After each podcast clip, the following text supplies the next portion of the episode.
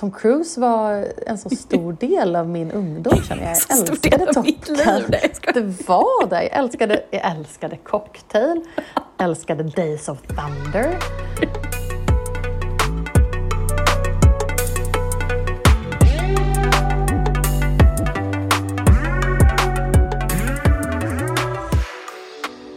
Jag testade precis en sån här eh, kändis lookalike filter på Instagram.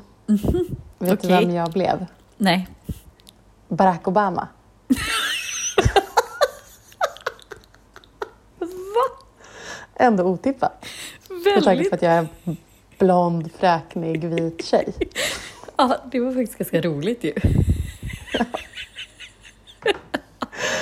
Så att, eh, ja. Ja, ja, men det kan man också underhålla sig när man sitter i diverse karantän. Ja, men exakt. Någonting måste man göra. Någonting måste man göra. Ja. Åh, gud. Mm. Du, eh, vi ska från, från någonting glatt till någonting sorgligare. Mm. Vi har förlorat två modelegendarer den här veckan. Ja, usch. Trist nog. Ja, verkligen. Tänkte att vi skulle bara berätta lite kort om dem. Mm. Eh, många har säkert koll, men vi drar lite så här mini kort om dem för att de känns ändå som viktiga att hylla. Gud, Ehm, ja. Verkligen. Ja, först var det ju då Andre Leon Talley. Mm. Eh, Den här ikoniska larger than life eh, moderedaktören. Mm. Eh, amerikansk, föddes för 73 år sedan, han var 73 när han dog, eh, i så här riktiga liksom, södern i USA. När det fortfarande var så Jim Crow liksom, lagar som var alltså, segregerade och var väldigt ja, rasistiska mot, mot svarta. Eh, så han föddes liksom, under omständigheter som inte var fördelaktiga för att bli en, för att bli en världskänd modejournalist.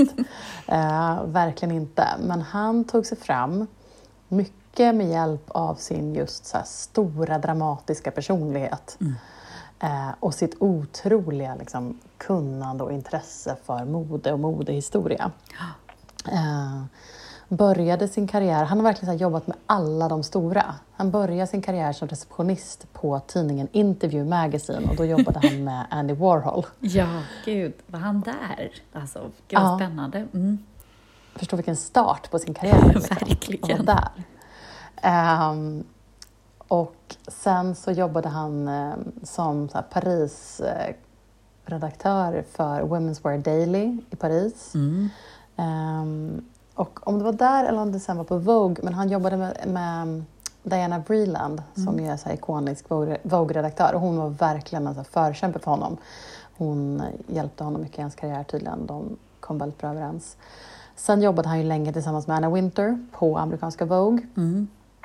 Eh, Men eh, de hade liksom en falling out sista åren nu, tyvärr.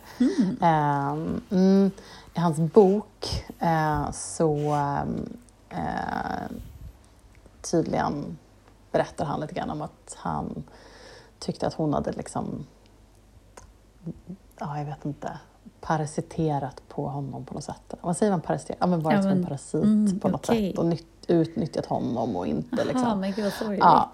Eh, ja, och det, Vogue fick ju lite kritik nu också för att de var ganska sena på så här. De var lite sena på att lägga ut sin liksom, hyllning eller minnes, ett inlägg, minnesinlägg på okej. Instagram. Så där. Oj, Och att det de la ut kanske inte var helt hundra heller, så de fick ju lite kritik där. Så. men gud. Oj. Ja. Eh, det ser mm, man. Så att, ja. Men, ehm, men oavsett så han, han är en riktig, riktig legend. Eh, hans bok som jag har blivit sugen på att läsa nu, som jag inte hade koll på innan, den heter The Chiffon Trenches. Mhm. Eh, den tror jag finns, det finns nog mycket spännande, härliga modeanekdoter i den som man vill läsa. Ja, men gud ja. Ehm, men det man verkligen måste säga om honom också är att han var en liksom, banbrytande figur som verkligen banade väg för andra, inte minst för andra svarta inom modebranschen. ja. Eh, man skulle väl liksom verkligen, vi pratade om Virgil Abloh här för några avsnitt sedan och utan Andrew Leon Talley hade kanske inte det varit någon Virgil Abloh på den nivån som det var. Ehm, han var ju även eh, liksom hade stor del i Naomi Campbells karriär. Eh, sådär. Så att, eh, han har också varit en sån liksom, som har krossat olika tak och skapat nya vägar. Så att, eh, jättetråkigt att han ja, har men gått bort. verkligen. Och sen kan man också, jag tycker att han var alltid så otroligt underhållande när han kommenterade mitt favoritevenemang, The Met Gala. Um, så kom, gjorde han ju alltid väldigt, väldigt roliga så live kommenteringar eller kommentarer eller kom, Ja. ja, av så här, Ja. Um, outfitsen. Liksom. Och han hade ju så Mm, koll, han mm. kunde ju dra ganska rappt eh, vad folk har inspirerats av eller alltså Mm, så här. Ehm, så det finns ju säkert en massa YouTube-klipp att eh, titta mer på och ehm, även i den här Ja. dokumentären som vi har pratat om innan. First Monday of May. Där är lite Mm. klipp från det som är ja, väldigt, väldigt roligt. Han är ju med i den och han är Mm. väl med och när en Winters dotter ska vad hon ska bära och så här, han väl med i de klippen där och så här också. Tydligen var han med och hade liksom, eh, även när det gällde henne, vad hon hade på sig på Met-galan och sådär, Mm. det var han med och, och, och tyckte om och sådär. Mm. Ja, men det finns ju så här, verkligen, alltså jag tror verkligen man ska youtuba honom. Jag tror Ja. det är mycket kul. Men det finns ju också fantastiska citat. Han var ju väldigt så här, dramatisk. Det finns ju något som många har delat nu som var så här, My eyes are starving for beauty. Liksom, att det är så här, There's a famine of beauty. Att de liksom, ja. Gud, så kan jag känna lite nu i corona. My eyes are Ja, starving gud. for beauty alltså. Gud. Ja, ge mig något glittrigt att titta på liksom. Ja, Ja, nej men väldigt sorgligt att han Ja. har gått ur tiden. Verkligen. Mm. Och sen då eh, nästa som vi skulle prata om också är ju då Thierry Mugler. Ja. Eh, Thierry Mugler, eh, fransk modeskapare, riktigt ikonisk, eh, trendsättande, banbrytande modeskapare som s- började som dansare och sen ehm, slog sig sen in i modevärlden. Eh, började sin modekarriär i London och var en stor del av det här swinging 60s.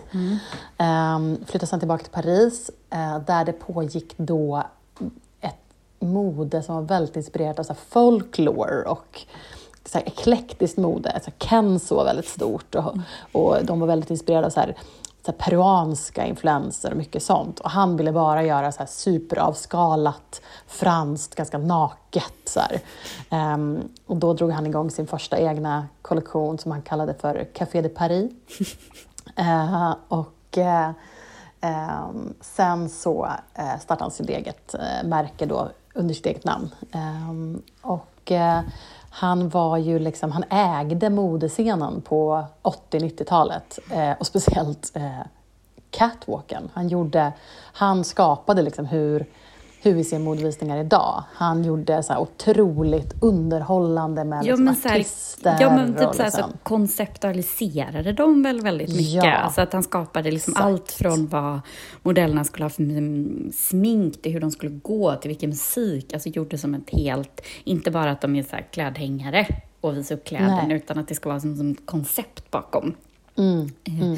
var väl hans exakt. liksom, stora grej. Ja, jag tror att många svenskar kanske har koll på att här, Emma, vår svenska supermodell, Emma S. Mm. ehm, hon var ju med i hans visning eh, och även i den här eh, George Michael-videon som ju han eh, om han var liksom kreativ chef för den och så, men han var i alla fall, stod ju för kläderna i alla fall. Eh, och eh, där är hon och massa andra supermodeller med. Ja, och den Eh, här att, otroligt eh, ikoniska, alltså den här motorcykel, det är väl framförallt den som är från den videon, Ah, ja. Funky. Alltså den här, alltså när Emma på det ser ut som en så här motorcykel, alltså det är ju, ehm, vad heter det? Ehm, så här backspeglar och, och jag läste Ja, någon att den, hon ja. var ju Ja. någon slags musa till honom och den har han typ gjutit efter hennes mått så den var liksom så här helt gjord Ah, efter hennes okej. mått och jag älskar den videon. Den var väl min så här introduktion till popmusik på MTV. Eh, Mm, min syster tittade alltid på MTV och den, den rullade ju ständigt och den var så här, jag kan fortfarande tycka att den Too Funky är Too Funky sjukt bra poplåt och Mm. grymt. Mm, måste lyssna på den. Mm. Och alla de här supermodellerna var ju med och Emma var ju med. Men Mm. ehm, ja, det är säkert många eh, som har sett just den motorcykellooken som hon hade i den och den har han gjort precis exakt. Ja, men det är väl också någonting man kan, om man, har, man vill ha någonting att göra, man kanske vill ha just lite, lite beauty, att man då kan gå in och, och youtuba hans gamla modovisningar. Eh, det är nog eh, ett härligt kvällsnöje. Eh, om man vill ta en paus från Netflix ett tag så kan man göra det istället. Ja, precis. Ehm, så att, ja, nej, han, och sen på senare tid så gick han över till att göra mycket liksom kostym. Han gjorde ehm, en hel Beyoncé-konsert, han har gjort grejer för Kim Kardashian, ehm, Lady Gaga. Eh, gjorde tydligen även så här ballett, ehm, kostym för, ehm, för ballett och sådär. Så att han, ja, han eh, liksom gick över lite grann till mer ur modebranschen och mer in i liksom Ja, och han gjorde ju den här roliga, eller den här väldigt speciella Kim Kardashian. the wet dress. Precis, The Wet Dress, den är ju ändå väldigt eh, ja, så Ja, ikonisk. den är- alltså så, ja. Den kommer ju gå Det till var, någon Met, var det Met-galan? Ja, men jag tror det. Mm. Mm. Den är ju liksom, vad ska man säga, så här, rosa beige och den ser ut som att det är liksom vattendroppar som typ rinner på henne. Den är väldigt cool. Och så hade hon så här wet look eh, frisyr till och så. Ja. Så det var en, ja.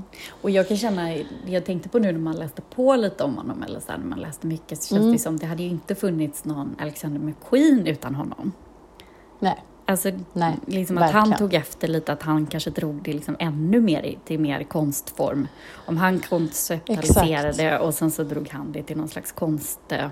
Ja, ja exakt. Om Mugler gjorde mera popkultur Mm. på visningarna så kanske McQueen gjorde ännu mer som du säger, liksom konst och eh, eh, koncept på det sättet. Liksom. ja men precis. Jag tyckte bara det var Mm. väldigt... eh, Ja, men väldigt... eh, Ja, jag har inte dragit de parallellerna Gud, innan. de, de gamla visningarna är Mm. också helt fantastiska. Mm. Typ när han hade, alltså när McQueens gamla visningar, när han har, det finns ju en visning när han hade Kate Moss som ett hologram. Mm. Det är helt magiskt. Eh, och sen finns det en som är helt fantastisk när det kommer ut en modell hon har på sig en klänning och sen så börjar det så här, såna här robotar som spraymålar bilar. precis. de börjar spraymåla den här klänningen. Och det är och som en dans, liksom. hon snurrar runt där och så blir hon spraymålad av de här robotarna. Det är, ja, det är helt fantastiskt. Mm, också Verkligen. något Vi kan lägga upp, eh, ja, vi skulle kunna lägga upp i våra, på Instagram stories, kan vi länka till de här. Det är ja, fantastiskt. Mm. Ehm, ja, nej, så att um, jättetråkigt att de, de har gått bort, men eh, verkligen så här personer man ska minnas och eh, kolla upp och inspireras av. Mm, verkligen. Du, eh, vad var du sugen på att snacka Ja, om då? nej, men jag, vad heter det, det var väl det nya eh, Vogue Scandinavia-omslaget. Jag som satt och kuck, kuck, eller så här, kuckluckade om att jag tyckte att de skulle ha några kungligheter på omslaget. Typ Victoria och Mary fick ju i alla fall eh, ehm, något Ja. helt annat. Vi fick ju då den danska prinsen. Eh, Nikolaj, va? Prins Precis, Nikolaj. på omslaget av nya i en härlig ljusrå, puderrosa kostym i väldigt drömskt omslag. Jättefint omslag måste jag ändå säga. Alltså lite ut som Timothy. Chalamet ungefär. Eh, så han är väl helt i tiden. Ja, Hans look är väl Chalamet, liksom ja. så i tiden liksom. Men Alltså jag älskar att de har en snubbe Ja. på omslaget eh, och att de har den här liksom... Ja, jag älskar att de också gör... Han ser verkligen ut som en så här sagoprins som står bland, i någon sorts drömsk trädgård också. Och det är någonting liksom lite så här sago magiskt över det hela. Ett skimmer av någon sorts forn... Ja, och jag som sitter och bara Eh, ser så här. Disney-filmer nu med min äldsta dotter som bara är inne på liksom, det är Ja. Ariel och det är liksom Stjärntenor. Alltså de ser ju Ja. ut så där de där prinsarna. Alltså innan Frost kom Ja. så såg ju alla sådana prinsar ut så där. Prins Erik i La Sjöjungfrun, alltså de är ju sådär Ja. Tjockt svart roligt. hår och liksom fluffigt svart hår och Mm. välbyggd och liksom ser så här snäll ut. Men, ja, men ja, det är Mm. jättefint. Alltså, cred till Vogue Scandinavia som lyckades boka honom och, och skapa det där Mm. omslaget med... Verkligen. jättefint. och du hade ju redan sett honom Men- på visning. Han går visning, för han bor i Paris nu då. Nu har inte jag läst artikeln ännu, men Ja, vad var det för visningar De gick? här Reigns, alltså Det- det här... Ja, just det, den danska. Ja, precis, som är liksom danska danska ja, regnkläder från början mm. som de har gjort någon slags eh, poppa till. Ja. Just det. Apropå så här att vi skojar om det. Daphne bara visar i Paris så gjorde Paris, Reigns samma Reigns sak. kör också där nu. Och så var det väl lite så här att det, det såg ut som stora duntäcken och lite avantgardigt liksom i sin approach. Ja. Men den Ja. visningen gick han. Jag vet inte om han har gått fler visningar. Han verkar ju plugga någon slags handels, ungefär business school i Paris. Och jag bara läste några citat att han, det var så skönt för att ingen där brydde sig om att han var någon prins utan att han fick leva ett ganska vanligt Nej, nej. liv inom situationstecken. Ja. Så. Men det känns ju lite grann som att här, kungligheter är liksom den sista, the last frontier. liksom. Efter kändisar och modeller och allt sånt. Nu är det liksom, de är de liksom mest ouppnåeliga som de nu och som nu på något sätt då börjar öppna dörren för att bli bokade för såna här grejer. Ja, eller så här att man tar det så långt. För jag tror liksom kungligheter genom historien har väl ändå varit liksom lite muser och inspiration och, och närmat sig och gått på Mm, visningar. Jag menar, mm, det finns ju liksom olika exempel på det, men det här är ju ändå ett steg längre att så här, de faktiskt alltså, hamnar på ett sånt omslag, eh, går Ja, men att de går Mm. med på att liksom gå en visning och, och bli plåtade och så här, för de, Och som du säger, de har intervjuade liksom för den delen. musor i sig själva. liksom. ja. ja men exakt. Det, Men, men notoriskt så svårbokade Ja, ändå. gud liksom. ja. Och framför allt att de går med på att eh, också prata om sitt privatliv. Så. Det är ju Mm. ofta det som är Mm. det tråkiga, att de aldrig... Man får aldrig någon Nej. form av liksom personlig inblick i eh, ja, hur deras liksom vardag är. Så. Ehm, så det är väl, ja det är lite roligt. Ehm, Mm. ja, och vi hade ju mer kungligheter också i modeveckan. Den här lite speciella, Ja, vad var det, Chanel-visningen nu? Var det idag? Igår? Idag det var va? Mm. idag, alltså tisdag. Mm, vi spelade in det här tisdag kväll och ja, det var idag. Charlotte Casiraghi. Är det Monaco ja, eller? i Monaco. Nej, men precis. Hon, hon red ju då in på en häst och öppnade, alltså en Ja. livslevande häst. Och hon är ju barnbarn, det kanske man också ska säga, hon är barnbarn till um, Grace Kelly. Eh, en amerikansk eh, Exakt, skådespelerska som vid typ 26 års ålder gifte sig med kung Rainer då av Monaco och blev då en drottning och prinsessa i Monaco och blev, var ju alltså så känd och um, oerhört liksom, speciellt livsöde men framförallt en jätteikon av Mm. både mode och Mm. fick en Hermes Mm. eh, Mm. uppkallad efter sig, The Kelly Bag, som finns än idag att köpa. Det är inte, Nej, det är inte illa. illa. Men i alla fall, hennes då barnbarn red in på en häst i Paris Ja. idag. Alltså jag, jag känner att jag är, jag är helt för att, de liksom, att hon går Chanel-visningar och så, inga problem med det. Och eh, hon såg jättefin ut och så här. Men just den här hästen som hon red igenom den här då visningen, rider på en bana förbi, liksom, det sitter publik där och den här hästen rider och hon håller, liksom, hon håller väldigt hårt i tyglarna. Hon skrittar först och sen så galopperar hon sista biten ut. Och det, alltså det var de första kommentarerna jag såg och det var det första jag tänkte själv var så här jag tyckte så synd om den där hästen. Jag tyckte det kändes så här. Jag fattar att så här, hästar rider visningar och så här, men det här var så nära.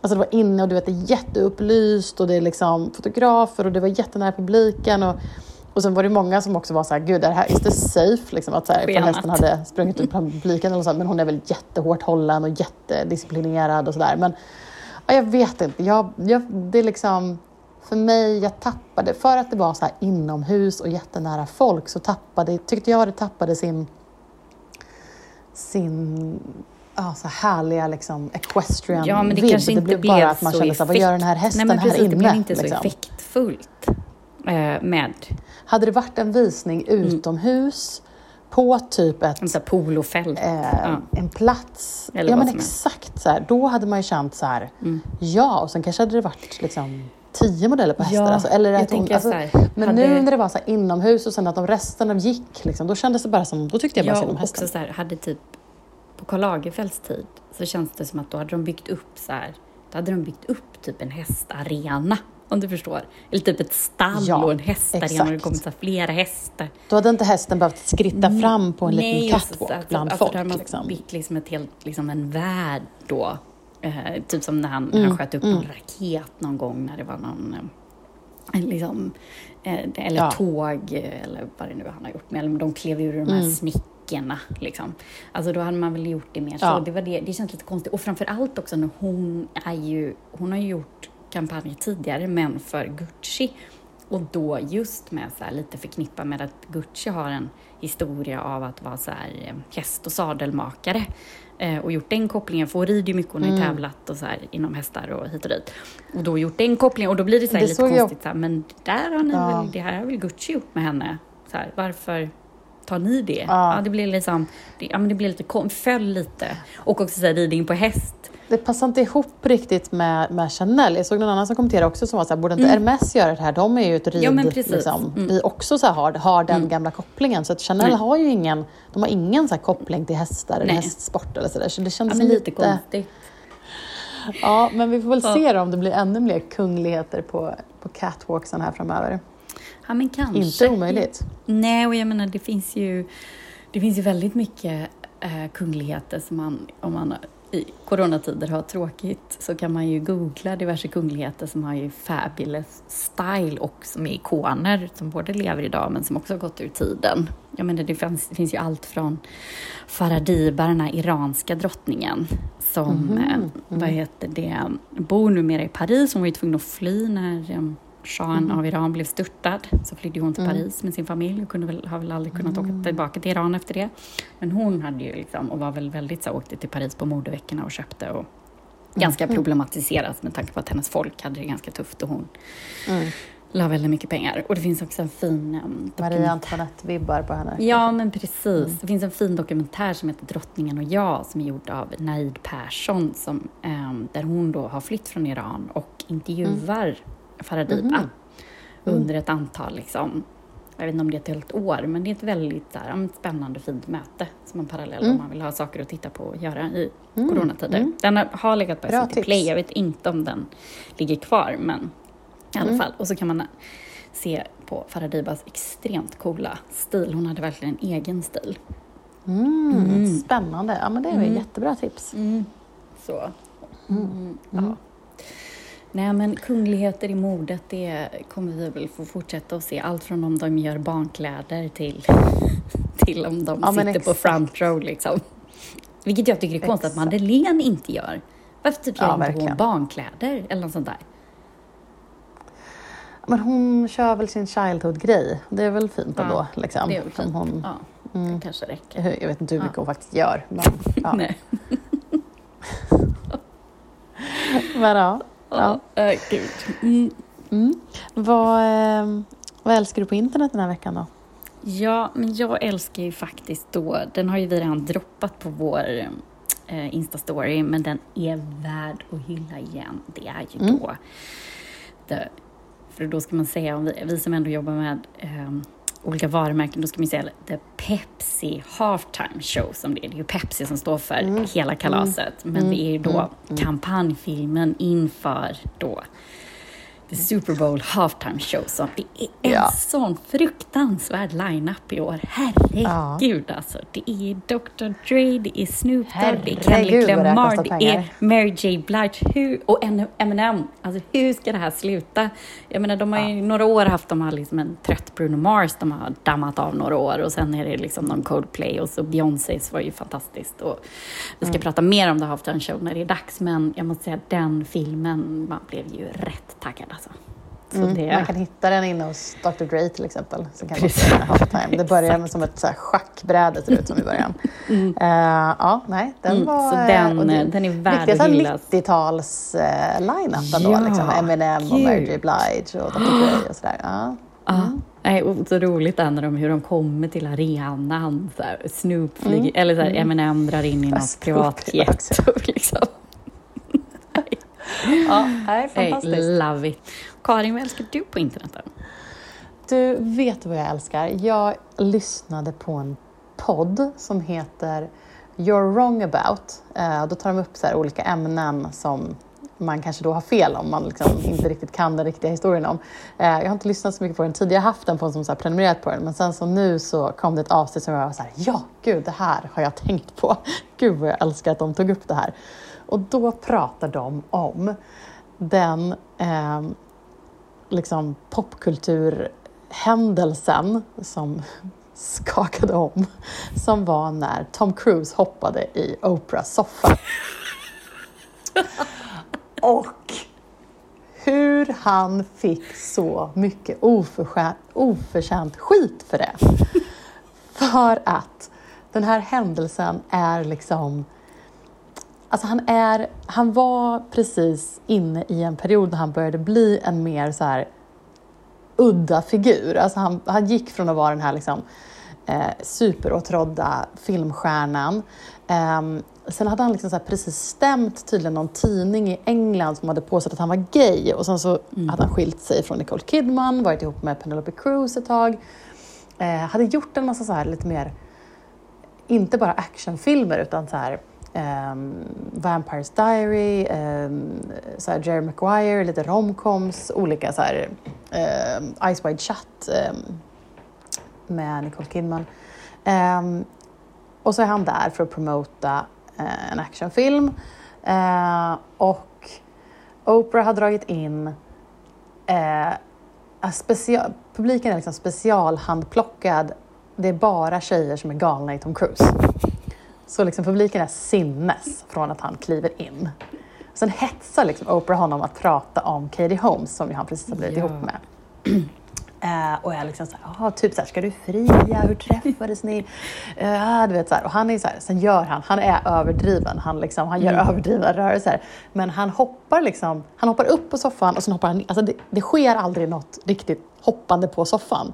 Mm. Men allt det här hände innan liksom, innan um, det blev att man släppte så korta videor på, på, sociala medier på saker och ting. Så det här liksom, man har bara en bild av att han står på soffan och så kom det ut att här, han, han hoppade då på soffan. Då ser det ut som att man hoppar crazy, i soffan liksom. då, liksom. han gör ett upphopp ja, och ser ut som att han hoppar. Mm, okay. Han hoppar upp och sen hoppar han ner igen. Mm. Liksom. Uh, och allt, han, han är väldigt charmig i intervjun. Han är liksom så här, ah, jag vill inte vara så här, jag vet att jag brukar vara superprivat men nu så, så här, jag, vill inte, jag, kan inte, jag ska inte dölja mina känslor, typ jag är jättekär i henne. Liksom. Mm. Uh, och sen så kommer hon in där på slutet och så, det är lite så här, alltså, han är, Sen grejen var den att efter det här gjorde han tydligen några mycket mer problematiska intervjuer där han började prata om just det här med scientologikyrkan som mm. ju han blev någon typ av profil för och han började blev, kritisera är, cyklo- typ. är ja. ja. ja. men verkligen. Och då liksom och grejen är att eh, jag är inte så att jag ska försvara Tom Cruise, han verkar vara superproblematisk på lite olika sätt. Men just den här händelsen borde han inte fått så mycket skit för som han fick. Den här händelsen borde inte ha förstört hans karriär på det sättet som den gjorde. Och efter det här så har inte han gjort en enda film som inte är en ren actionrulle. Nej. Han liksom, han, och tydligen efter det här så var han bara så här, okej, okay, no more liksom. Nu, jag snackar mm -hmm. inte mer, jag gör inga så roliga grejer, nu gör jag min actiongrej och that's it. Ja, um, och tjäna pengar på det liksom.